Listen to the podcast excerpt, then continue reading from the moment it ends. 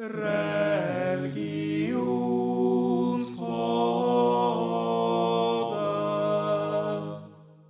sann, velkommen til religionspodden. Takk. Takk. Er dere klare? Er jeg degradert nå, eller fra programlederrollen? Nei, vi bytter bare litt på litt. Det er hyggelig å veksle litt mellom, eh, mellom, eh, mellom rollene. Ok. Jeg er klar, i hvert fall. Hva? Jeg er klar. Chris er klar, Jørgen er bitter, jeg er uh, Hans Wilhelm Aasrotod Hundtvedt. Velkommen til religionspodden. Vi skal uh, snakke om Aristoteles. Uh, og vi har jo lagd en episode tidligere som også handler om Aristoteles, men vi kan jo da anta at i dag skal vi ikke snakke om det samme som i forrige episode, for det, det blir mye. Det blir smør på flesk. Vi skal snakke om den samme. Aristoteles. Ja, Ikke, ikke Onassis, nei. Vi skal snakke om uh, samme Aristoteles. Stageritten, som han blir kalt. Eh, For han var fra Stagera. Vi snakka om eh, metafysikk, epistemologi, estetikk, musikk, teatervitenskap, logikk og lyrikk sist. Ja. Det var ganske mye, eh, og noe dekka vi godt, andre dekka vi litt mindre. Eh, Men vi snakka bl.a. om menneskesyn lite grann, og sjel og kropp og sånn. Eh, Dette her skal vi ta videre da, inn i dagens tema, som primært vil pense rundt etikk. Etikk. Er dere klare for det? Ja. Det er, det er allikevel uh, litt vanskelig å komme utenom både metafysikk og epistemologi når vi skal snakke om uh, etikk. Ja, det er vanskelig, ja. Eh, For det henger men, jo sammen. Ja, det gjør det. Så vi kommer til å vise litt tilbake til forrige episode. Jeg tror Vi, vi kan jo ikke gå i detalj på det vi allerede har snakka om der, så jeg, man kan eventuelt høre den først hvis man ønsker å få litt detaljer rundt uh, epistemologi og metafysikk. Men uh, vi kan forklare de småtingene innimellom Kan som vi trenger. Kan du kanskje anta at noen også har startet med episoden Aristoteles del 1? Ja, Hvis vi kaller den det. Ja, for den, den heter del 2. Den her. Ja, ok. Ja, jeg vet ikke hva vi Ah. har ikke hørt den forrige, så Det er jo retningsgivende, det. Ja, men denne episoden her er jo ute allerede når vi spiller inn. Ja ja, men jeg har ikke hørt den. Nei. Så jeg vet ikke hva du har kalt den. Det er klart. Jeg er ikke så glad i min egen stemme. Jeg satt på toget en gang og hørte en av podkastene jeg var med i. Gratulerer. Og, og en pinlig situasjon oppstår når jeg satt og kniste av mine egne vitser. Eh, på toget. Og folk sitter rundt og vet de, de tenker sikkert Han hører sikkert på noe artig, og så er det meg sjøl å høre på. Det var, da, da tenkte jeg nå, det her er ille. Nå er det, nå er det både sjølgod og dritt, og du har ikke noe fremtid. Og da Var det jeg Didi da, Hans? Nei, det var det, da. Og vi skal jo snakke en del om Ikke akkurat meg, forhåpentligvis. Det spørs om ikke du fulgte dødssynden istedenfor kardinaldydene der. Og var hovmodig. Jeg var hovmodig. ja. Jeg pekte jo og lo av, av andre og sa at dette hadde ikke dere klart. Men Det hadde, jo, det, hadde jo også vært, det hadde jo sikkert vært mindre ille hvis jeg hadde hatt headset, men jeg satt jo og hørte på, på Jeg hadde jo med, Med meg sånn liten høyttaler. Du satt med boomblaster. Jeg måtte jo sitte på stillevogna, for det, var, for det var så mye lyd i de andre vognene. Så det var bare der jeg hørte. uh, men eh, vi skal snakke om Aristoteles etikk, ja. Og kanskje vi kan begynne bare å forklare hva etikk er, sånn veldig, veldig veldig kort, Kristel eller Jørgen? Ja, vi Ja. kan jo vi kan, Etikk er jo liksom læren om øh, hvordan man kommer frem til hva som er rett og galt. Det er liksom teorien rundt. ja, Mens moralen er jo det du gjør, da. Ja. Det er jo etikken i praksis. Ja. For dette er sånn vanlig elev- elevspørsmål. som hva er forskjellen på etikk og moral? Ja. Kan få på eksamen som en slags eh, warming up når du sitter og skal forklare hva etikk er. Um, men eh, det er jo mange måter å navigere i etikken på. Du kan jo, um, det finnes mange etiske modeller, Mm. eh, og i dag skal vi snakke om dydsetikk. Det finnes eh, pliktetikk, og det finnes konsekvensetikk som to andre eksempler. Ja. Hvorfor skal vi snakke om dydsetikk i dag? Nei, jo, Aristoteles øh, regnes jo som dydsetikkens far, da. Han gjør jo det. Ja. Han, eh, I forrige episode så snakka vi vel litt om eh, sammenhengen mellom Platon og Aristoteles. Mm. Og Aristoteles arver jo også dydsetikk-prinsippene fra Platon, som også var dydsetikker. De fleste eh, greske filosofer var vel på et eller annet vis det, tror jeg. Ja. Eh, men Aristoteles eh, formaliserer dette her, setter det litt bedre i system, utvikler det videre, da. Hva betyr dyd, da? Nei, dyd er en, Du kan se på det som en egenskap, kanskje. Ja. Eh, En evne. en evne, et egenskap, en egenskap, eller også et potensial, kanskje. Ja. Eh, du, noe du kan utvikle gjennom erfaring. Ja. Um, og dette her har jo da sammenheng med epistemologi, som vi kanskje kan komme tilbake til etterpå. Um, Mm. Men han, uh, han uh, tar for seg dette her i, i en del tekster, eh, særlig da det som heter den nikomakiske etikk, som er tilegna sønnen hans, Nikomakos, derav navnet den nikomakiske etikk.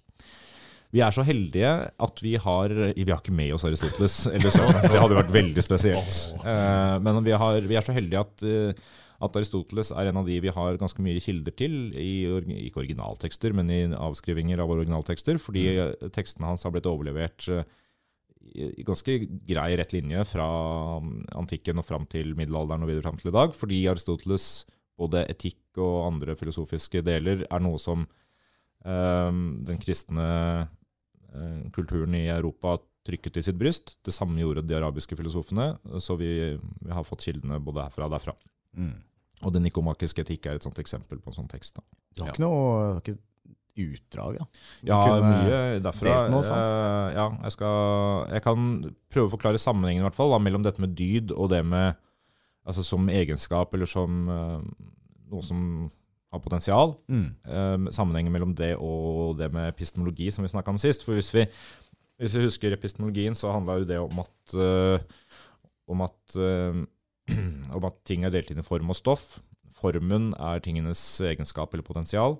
Um, og en, uh, en kopp er en god kopp hvis formen fungerer bra, da, for å si det sånn. Ikke sant? Da er koppheten god. Da er koppheten god. Um, og i den nikomakiske etikk um, så skriver han eh, Jeg tror det er sjette kapittel. Så skriver han eh, at eh, øyets dugelighet forbedrer både øyet og utførelsen av dets oppgave. For det er pga. øyets dugelighet vi ser godt. At øye, et godt øye er et øye som hvis potensial blir oppfylt på en god måte. Altså et øye er et øye, et godt øye er et øye som ser godt. Da. Eh, på samme vis medfører hestens dugelighet både at hesten er god, og at den er god til å løpe, til å bære sin rytter og til å stå imot fienden. Så hvis hesten er dugelig, så fører dugeligheten til at den utfyller sin oppgave på en måte som er, fungerer godt. Hvis det forholder seg slik med alle ting, vil altså også menneskets dugelighet eller dyd være den holdning som gjør et menneske til et godt menneske, og som får det til å utføre sin oppgave vel. Så en dyd, eller dugelighet, som eh, noen ganger kaller vi det dygd, eh, som høres ut som en krysning mellom dugelighet og dyd, Mm. eh, er altså bygd. den mm, Og bygd. Bygd, ja, det er noe annet. eh, er altså den, eh, den holdninga eller egenskapen som gjør mennesket til et godt menneske, og som får det til å utføre sin oppgave, f.eks. menneskelighet, eller en annen oppgave et menneske har, eh, vel og godt. Det engelske ordet for dyd, virtue, Mm. Ja, det er vel latin. det slår meg Ja, det er latin der. Virtuos. Mm. Ja da, Ja, det, det er riktig, det. Og hvis du, hvis du er virtuos, så har du jo en ekstrem evne som er på en måte eh, som, er, som er kunstnerisk. I tillegg til at, eh, til at du har tilegnet deg grunnkunnskapene, så har du noe mer. Og dette her er jo også Aristoteles opptatt av i Ja, sin etikk. En fløytespiller, f.eks. Ja, og han- Han snakker jo også om at, eh, at man skal være det, her, det som han kaller teiamania, som, eh, hvis dere husker det. At du skal altså, Du er på en måte besatt av eh, en slags gudelighet, Mm. og det er vanskelig å Og det er en forskjell, det er en klar forskjell på håndverkeren og Ja. den som er på en måte opplyst, eller som kan så mye, eller som har fått de evnene fra gudene at du er på et høyere nivå. Ikke Ja, men sant? Teimania, guds, eh, manisk opptatt av guddom, egentlig. Ja. Ja, for det er noe som virker igjennom deg, nærmest mer enn noe du faktisk gjør Nesten selv. som en Ja, muse, så, da. ja, så du er et slags talerør for den egenskapen du får tildelt. Ja, altså, det, det her kan jo sammenlignes med flytteori. ikke sant? Hvordan du, hvis du, når du glemmer tid og sted, så flyter du jo, og, og, du, og du er så i, til stede i det du driver med. Og dermed så kan du også nesten argumentere for at sånn, sånn type flow, flyt som eh, Mm. eh, Csikszentmihalyi, hvis jeg uttaler det riktig, eh, snakker om. Ikke sant? Det føles nesten ut som om det, det ikke er noe du gjør, fordi du glemmer deg selv, på en måte. mm. Det finnes jo også en del narkotiske stoffer som kan gi deg den effekten. Absolutt, og, og, og det, er, det fins noen kilder som også hevder at både Ja. Platon og Aristoteles og, og disse, disse eh, atenerne eh, inntok en del av disse stoffene. For å si det sånn, hulelignelsen kommer ikke ut av ikke noe. Eh, vi er i en hule, alle sammen! Men, men kan man oversette dette noe konkret? da? Fordi, eh. Men så kan jeg, altså Aristoteles bruker jo forholdsvis enkle begreper sjøl. Han sier jo så enkelt som at eh, ja, jeg husker, Nå parafraserer jeg kanskje, men en, en baker er en som baker brød. En Mm. god baker er en som baker brød godt, eller som baker gode brød. Mm. Det, er, det er noe med det at den egenskapen, eller dyden, for å bruke det, dugeligheten da, bakeren har, kanskje lettere å bruke ordet dugeligheter, dugelighet her, og- eh, gjør at han gjør jobben på en god måte. da. Men dette er, altså, altså det handler om at du må legge Hvis du skal øve opp disse dydene, da, hvis Ja. du skal se på det som evner, så må du, du må starte med å innse at det er ting du må utvikle. Ja. Og så må du bygge stein. Bygge stein på stein. Og når du har kommet deg opp på hvis, For å bruke liksom eh, virtuositetsmetaforen, da, hvis du er en, eh, en fantastisk musiker som har brukt hele livet ditt på å spille gitar, f.eks., Mm. så kan du eh, Det er vanskelig å lære bort akkurat den intense evnen. Altså bare ved å forklare og vise, fordi du forstår det på en måte ikke selv før du har gjennomgått den samme veien. Altså Ja. du, du må gjennom stegene selv for å forstå hvor bra det noen faktisk gjør, er. Ja, for Hvis ikke så kunne jo alle gjort det. Ikke sant? Ikke sant? Det- altså, du kunne, man, man kunne jo lært det i en eller annen instruksjonsvideo. Det er jo, det, det, er jo det her, den utfordringen alle lærere som prøver å lære bort tekstskriving til elever, Nettopp. møter på når elevene kommer og, og ber om på en måte en oppskrift på hvordan å skrive bra. Og Det jo- og det eneste vi har å jobbe med da, det er at du må, ja, du må trene på det, og vi kan vise dere hvordan en god tekst ser ut. Og vi kan kanskje også demonstrere det ved å skrive det selv. Men hvis du skal lære deg den teknikken, så må du gjennom en ganske lang og omfattende prosess, som ikke bare handler om det rent formelle, men det handler også om et slags håndlag. Et slags, Ja, ja, et slags opplysthet om hva som er godt språk, og det er veldig komplekst. Men det som er fint med Aristoteles, er at han åpner jo veldig tydelig for at ikke alle har den evnen til å nå helt til topps. og det er greit. På samme måte som Platon gjør det. Ja, ja. Eh, forskjellen på de to er at Aristoteles mener at han er litt det elementet av fake it till you make it, da, delvis i hvert fall. Fordi hvis du, særlig knytta til dyd, da, at hvis du ikke er Altså De færreste klarer å være dydige mennesker, sånn helhetlig. Men da kan du prøve å imitere en dydig person. Eller det vil si, du kan prøve å strekke deg etter et ideal. Altså en dydig menneskets et forbilde, da, et dydig forbilde. Hvordan ville en dydig menneske, et dydig menneske gjort dette her? Og så kan du prøve å handle deretter. Ikke sant? Eh, Det er litt som eh, What would Jesus do-opplegget. Eller eh, å leve etter profeten Sunna i islam. Altså Du strekker deg etter et dydseksempel. ja og imitasjon er jo, er jo essensielt da, Det er det. i det her. I, læring. Og samme som med skriving, for så vidt. Da? Hvis du, du, ved å se på eksempler, så skal du kunne, kunne imitere god tekst, da, for å si det litt enkelt. Vi, vi, Eh, jeg jeg jeg syns det er litt lurt å introdusere et, et begrep her. og det er liksom, Han har jo et teleologisk syn på dette her. Mm. Eh, på, på naturen i seg selv, ikke sant? men også eh, på mennesket som, som dydig vesen. Og teleologi betyr jo altså at noe har tilbake igjen til dette potensialet. ikke sant? Man utvikler seg mot et slags mål. Og det, jeg, jeg kan ikke helt se for meg at eh, når Aristoteles da aksepterer at ikke alle kan bli virtuoser da innenfor alle fagområder, så handler det jo rett og slett om at det, det, det finnes jo en, en eller annen form for begrensning, men, men det, viktigste er bare at man jobber mot en slags telos. da. Men, og, men dette, her, og dette her ligger jo i synet på sjelen. Ikke? Mm. Sjelens egenskap, eller sjelen som uh, menneskets form. Ikke sant? Kroppen er stoffet, sjelen er formen, og potensialet ligger jo da i sjelen. Ikke sant? Og alle har jo ikke det samme potensialet. Og han deler jo også samfunnet inn på den måten. Og sier at uh, menn eksempel, har et større potensial enn kvinner og slaver. Slaver kan også være menn. Men det handler om at sjelen ikke er utvikla på samme måte til å kunne utføre, dy være dydig. Da. Han var ganske kvass i menneskesynet sitt, Ja da, han er jo med dagens øyne. Ja, ja, kvinnesynet hans er jo i direk- Altså, kvinner ser jo ses jo nærmest på som uferdige menn, en. Han, han rangerer dem opp mot hverandre i Ja. kvinnenes disfavør. Ja, ja, men det, det er helt klart. Men han øhm, Nå var jo ikke det helt uvanlig på den tida, verken i Aten eller andre greske bystater. Men han skal Det var vel altså, vanlig et par tusen år, Etter òg, ja. Etter også. Ja. Det var det. kanskje litt mer. Men, men han eh, det, er greit å påpeke det at en virtuos, da, for Mm. eksempel, eller en person med gudgitt gave, ikke nødvendigvis klarer å utføre den eh, gudgitte gaven godt uten å ha erfaring i tillegg. Fordi du må jo Altså, en, en fiolinvirtuos blir ikke det uten å eksponeres for fiolin. Så, så du må jo gjennom en læring der òg. Det bare går fortere for deg, antageligvis, da. Men du, du må eksponeres for det. Sånn sett kan du trekke paralleller til eh, faktisk moderne vitenskap rundt måte at du, du kan ha egenskaper, men det må foredles. da, ikke sant? På samme måte som at du kan være disponert for sykdom, men det kan være triggere som igangsetter sykdom. Ja, kan, vi, kan vi kanskje sammenligne dette med, med toppidrettsutøverens 10 000 timer? Ja, Altså, ja. ja. Hvis det krever det for å lære seg håndverket, Ja. men det er ikke dermed sagt at du blir god. Eller Nei. du blir god, men det er ikke sikkert du blir best. Nei. Og, og da er det kanskje mer det genetiske eller andre evner enn det at du faktisk har trent. Hvordan har du trent? Hva Mm. har du tenkt mens du har trent? Hvordan, hva slags læremestere har du? Det finnes mange variabler.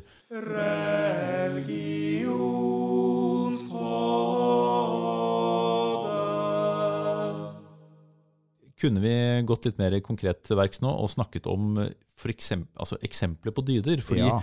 Aristoteles har en liten liste som han kaller dyder, eller kardinaldyder. Litt avhengig, u- usikker på om det, begrepet kommer fra han, men, Det tror jeg ikke for kardinal er vel ja, jeg, Det høres jeg, ut mer- hva, Det kan hende. ja, men uansett. Poenget da, hos Aristoteles er at du skal utvikle dydene for å bli et godt og dugelig menneske. Og hos Aristoteles, som hos Platon, så handler det om at du skal skaffe, eller utøve en balanse. Balanse er stikkordet. Det, det kommer også fram i, eh, i hans eh, syn på kunst også, i, i diktning, at du skal ha riktig balanse mellom elementene for at det skal bli best. Så han opererer med mm, tolv dyder, så vidt jeg eh, har klart å lete meg fram til. Ja, men han har, litt, men han har dyder som er viktigere enn andre. Og de fire viktigste det er mot, måtehold, vennlighet og rettferdighet. Ja. Og Hvis du utvikler disse dydene, altså hvis du lærer deg gjennom din erfaring og din læring og prøving og feiling, og prøver å utvikle disse dydene, så skal du handle rett ut ifra disse perspektivene på hva som er en god handling. Ja, og grunnen til at du må ha erfaring, eh, det bunner jo ut i at eh, det er ikke alt Du kan ikke bare ha en, en fasit på alle gitte situasjoner, fordi dydsetikken tar jo også hensyn til omstendigheter og, og eh, kontekst, da. Ja. Og det er vanskelig å, å forklare på forhånd hva som er et rett valg. Fordi du, altså Dydsetikken sier at du gjennom din trent, altså din utøvenhet, og det- ved at du har trent, så skal du intuitivt nærmest forstå hva som er riktig å gjøre i den handlingen, eller den, den situasjonen, ut- ifra at du har trent opp egenskapene, f.eks. vennlighet. Da. Hva er det som er å være vennlig? Er det å gjøre dette, eller er det å gjøre dette? Eller også ved å sette dydene opp mot hverandre. Hva er hvilken dyd er viktigst her? Er det å være rettferdig, eller er det å være vennlig? Og det er jo ikke alltid så lett. Vi som Nei. har barn, vet jo at det er et problem. Og når man skal måte, i sin, sin daglige utfordring med barneoppdragelse, hva er viktig å velge når ungen din gjør noe du ikke mener er riktig? Eller hvis du skal megle mellom to barn, hva er viktig å legge vekt på? Er det å være rettferdig, eller er det å være vennlig, eller er det å være ærlig? Og de tingene er ikke nødvendigvis de samme. Du var inne på balansen da, Jørgen. Så, så hva, hva vil det si eh, å være i balanse når du snakker om de dydene her? sånn? Hva, hva- blir ytterpunktene? Ja, Det er jo interessant å diskutere. Hva hvis du tar mot, da, så er det åpenbart at for mye mot er ikke nødvendigvis positivt, for da blir du overmodig eller dumdristig Mm. og tar sjanser som du kanskje ikke burde gjort. Mens den andre motpolen er jo feighet. Du tar ingen sjanser. Og det er heller ikke riktig ifølge Aristoteles, ifølge ja, mange andre òg. Du bør treffe omtrent i balanse da, mellom de to ytterpunktene. Det som, er det som er interessant her, er jo at dette her tar jo også utgangspunkt i subjektive oppfatninger, selvfølgelig. Men altså, det, en ting er jo å ta utgangspunkt i samfunnet Aristoteles lever i, og de verdiene man hadde der, som kanskje vil være litt annerledes nå. Eksempel vittighet. Han har det som en dyd, og i visse tilfeller så trekker han fra vittighet. At det er sosialt lurt å være vittig. Hva er det å være for vittig? Det er- jo å være jækla i veien og utrolig festlig hele tida. Det sliter jo flere med, som jeg kjenner. Eh, Og er du ikke vittig, da er du jo bare kjedelig, da. Ja, da er du kjedelig. Det er jo kjedelig, det. Ja. Eh, men eh, men han, han snakker jo også altså Hvis vi ser på f.eks. mot, da, så vil det være veldig subjektivt hva som er modig fra person til person. Fordi moderne definisjoner på mot innebærer jo ofte at altså, Hvis du utfører en handling du ikke eh, synes er skummel, f.eks., så er du ikke modig da nødvendigvis. ikke sant? Men hvis du gjør den til tross for at du syns det er ubehagelig, eh, så kan du være modig. La oss si at uh, det handler om å stå foran en forsamling da, og si Ja. ting. Det er noe mange syns er ubehagelig. Ja, jeg gjør jo det hver dag, Ja, så- og jeg ser ikke på meg sjøl som modig som gjør det, men en person som virkelig sliter med det og gjennomfører det, det er modig.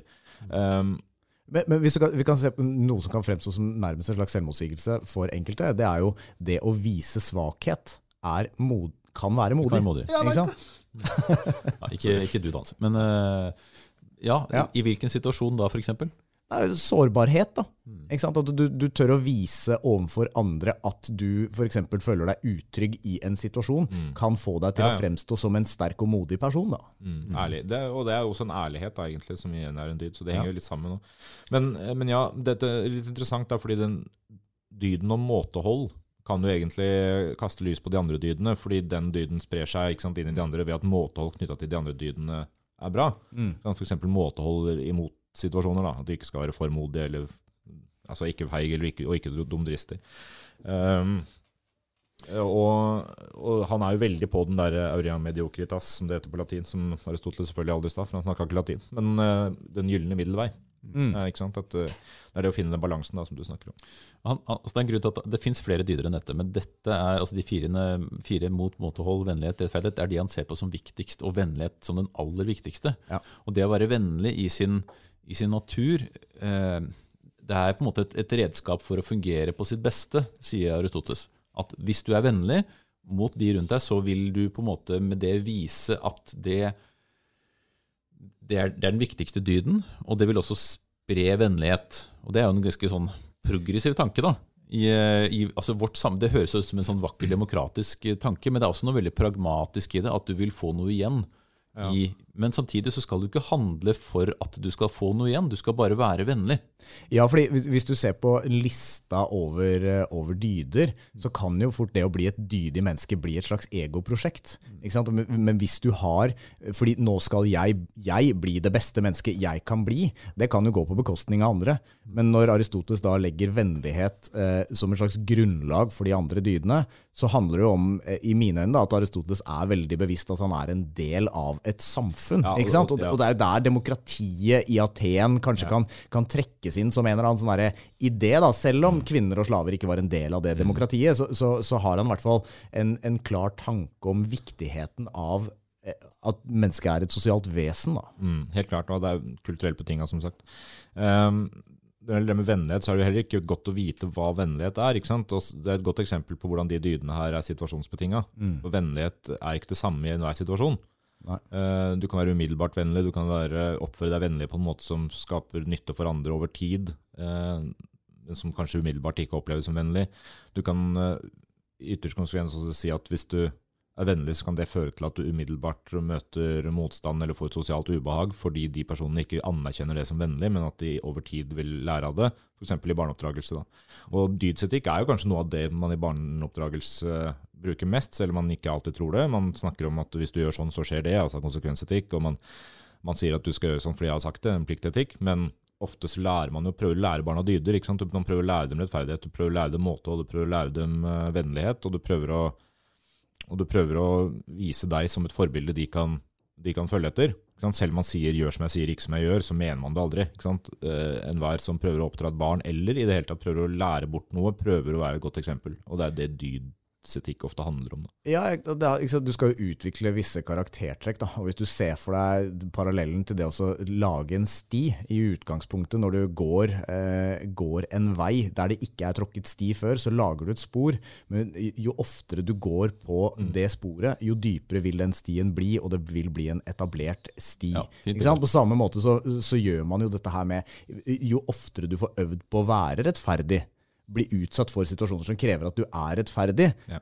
så utvikler du jo det karaktertrekket. da. Og det, og, det, og det å gi altså, jeg, har, jeg har tro på det personlig, da. Og en sånn type barneoppdragelse, hvis vi skal bruke den sammenligninga. At jeg kan ikke lære barna mine hva som er riktig å gjøre i alle situasjoner. Fordi de, jeg vet ikke hva slags situasjoner de havner i. Nei, må gi Men- verktøy. Men ja, hvis jeg gir dem redskapet 'vær vennlig' eller 'vær rettferdig', så kan jeg håpe på at de ved å øve opp den dyden velger, gjør et godt valg. da. Det, det betyr ikke at de velger det samme som jeg ville gjort, men de har et verktøy, og de har et, et, et kompass da, for, å, for å vite hva som er riktig å gjøre i den situasjonen. Ja, ja. eh, det handler litt om at du kan ikke presse alle inn i samme, samme system eller samme mønster nødvendigvis, fordi folk har forskjellig utgangspunkt, sånn ifølge Aristoteles. ikke sant? Vi har, sjelen vår har forskjellige egenskaper, vi har forskjellig potensial. Eh, det gjør at vi også er nødt til å lære verktøy for å klare å håndtere det her sjøl. Uh, en del steder så vet jeg at når man bygger f.eks. parker, så bygger de ikke veier inn til eh, De bygger ikke gangstier inn til parken med en gang. De venter til folk har, eh, har begynt å gå inn i parken. Eh, Og så ser de hvor gangstien naturlig etablerer seg, og så bygger de en liten vei inn der. Mm. fordi da, da lar de det på en måte naturlig bli en, innfar, inn, en innfartsåre. Fordi det man ofte ser, er jo at folk gjerne danner seg en ny vei ved siden av den du allerede har lagd allikevel, fordi de vil gå akkurat der de vil gå. Eh, og sånn er det kanskje litt med dydsetikken òg. At man, det var et utrolig godt bilde, forresten. Eh, det var, eh, takk for at jeg sa det. Eh, det var, eh, Jeg skal huske det til en annen gang. Minn meg på det.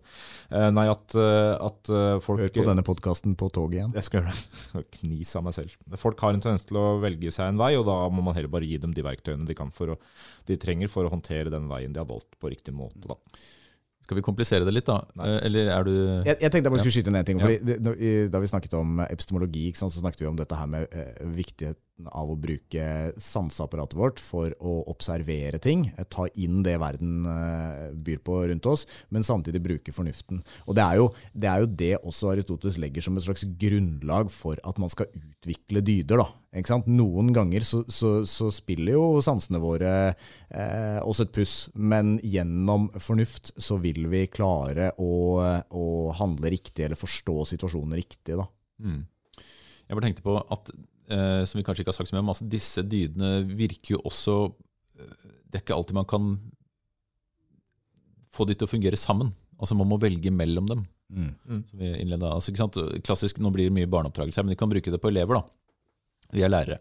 Og vi møter en del eh, sånne Vi møter en del etiske dilemmaer i vår hverdag. Et klassisk dilemma er elev A spør kan jeg få utsettelse på denne vurderingen. Og da eh, har vi et valg. Skal vi være vennlige eh, kanskje og si ja, eh, det, det er greit, fordi jeg skjønner at du trenger mer tid. Men er man da rettferdig overfor de andre elevene? Kanskje ikke.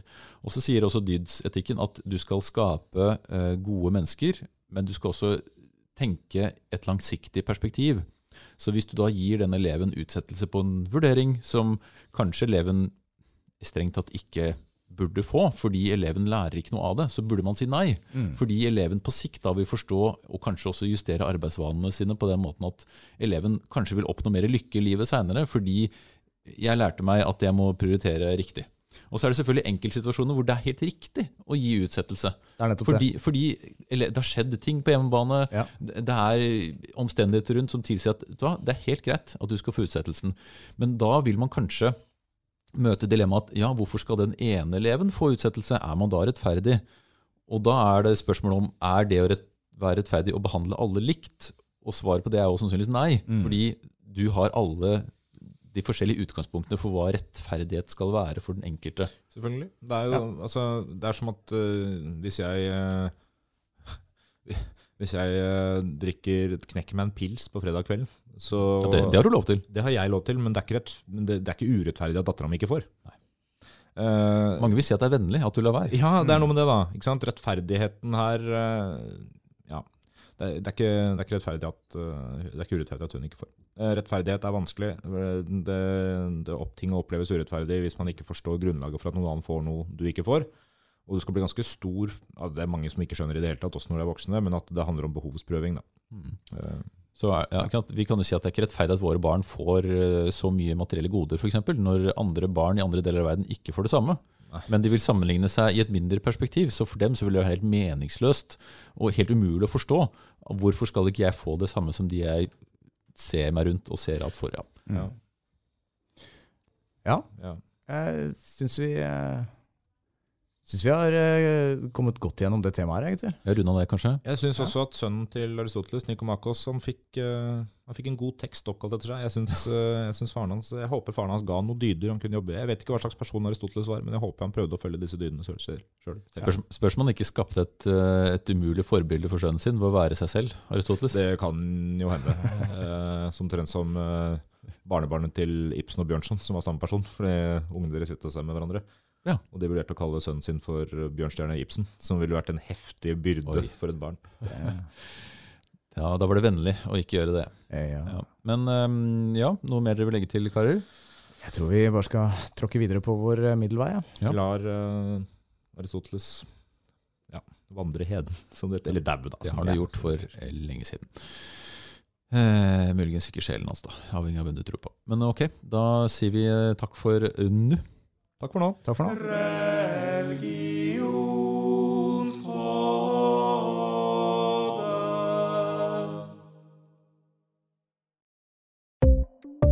Ukas annonsør er Folio, som er en smartere banktjeneste for deg som har en egen bedrift, eller som ønsker å starte for deg selv. Alle vi som har prøvd det, vet jo at det kan være ganske mye å holde styr på, ikke minst i forhold til banken. Folio er altså en superenkel nettbank for bedrifter. Som kunde så får du en bedriftskonto med kort og app, og i denne appen så er det smarte løsninger som forenkler regnskapet ditt, uansett om du har en liten bedrift eller et enkeltpersonsforetak. Folio er både intuitivt og brukervennlig, og laget med et enkelt språk som er lett å forstå. Og så er det forutsigbare priser og ingen skjulte gebyrer. Og skulle du likevel eh, ha behov for det, så kan du snakke med ekte hyggelige kundeservice-mennesker, i motsetning til litt mer eh, robotaktige chatboter som du gjerne møter andre steder. Folio er med andre ord både enklere og koseligere enn banken.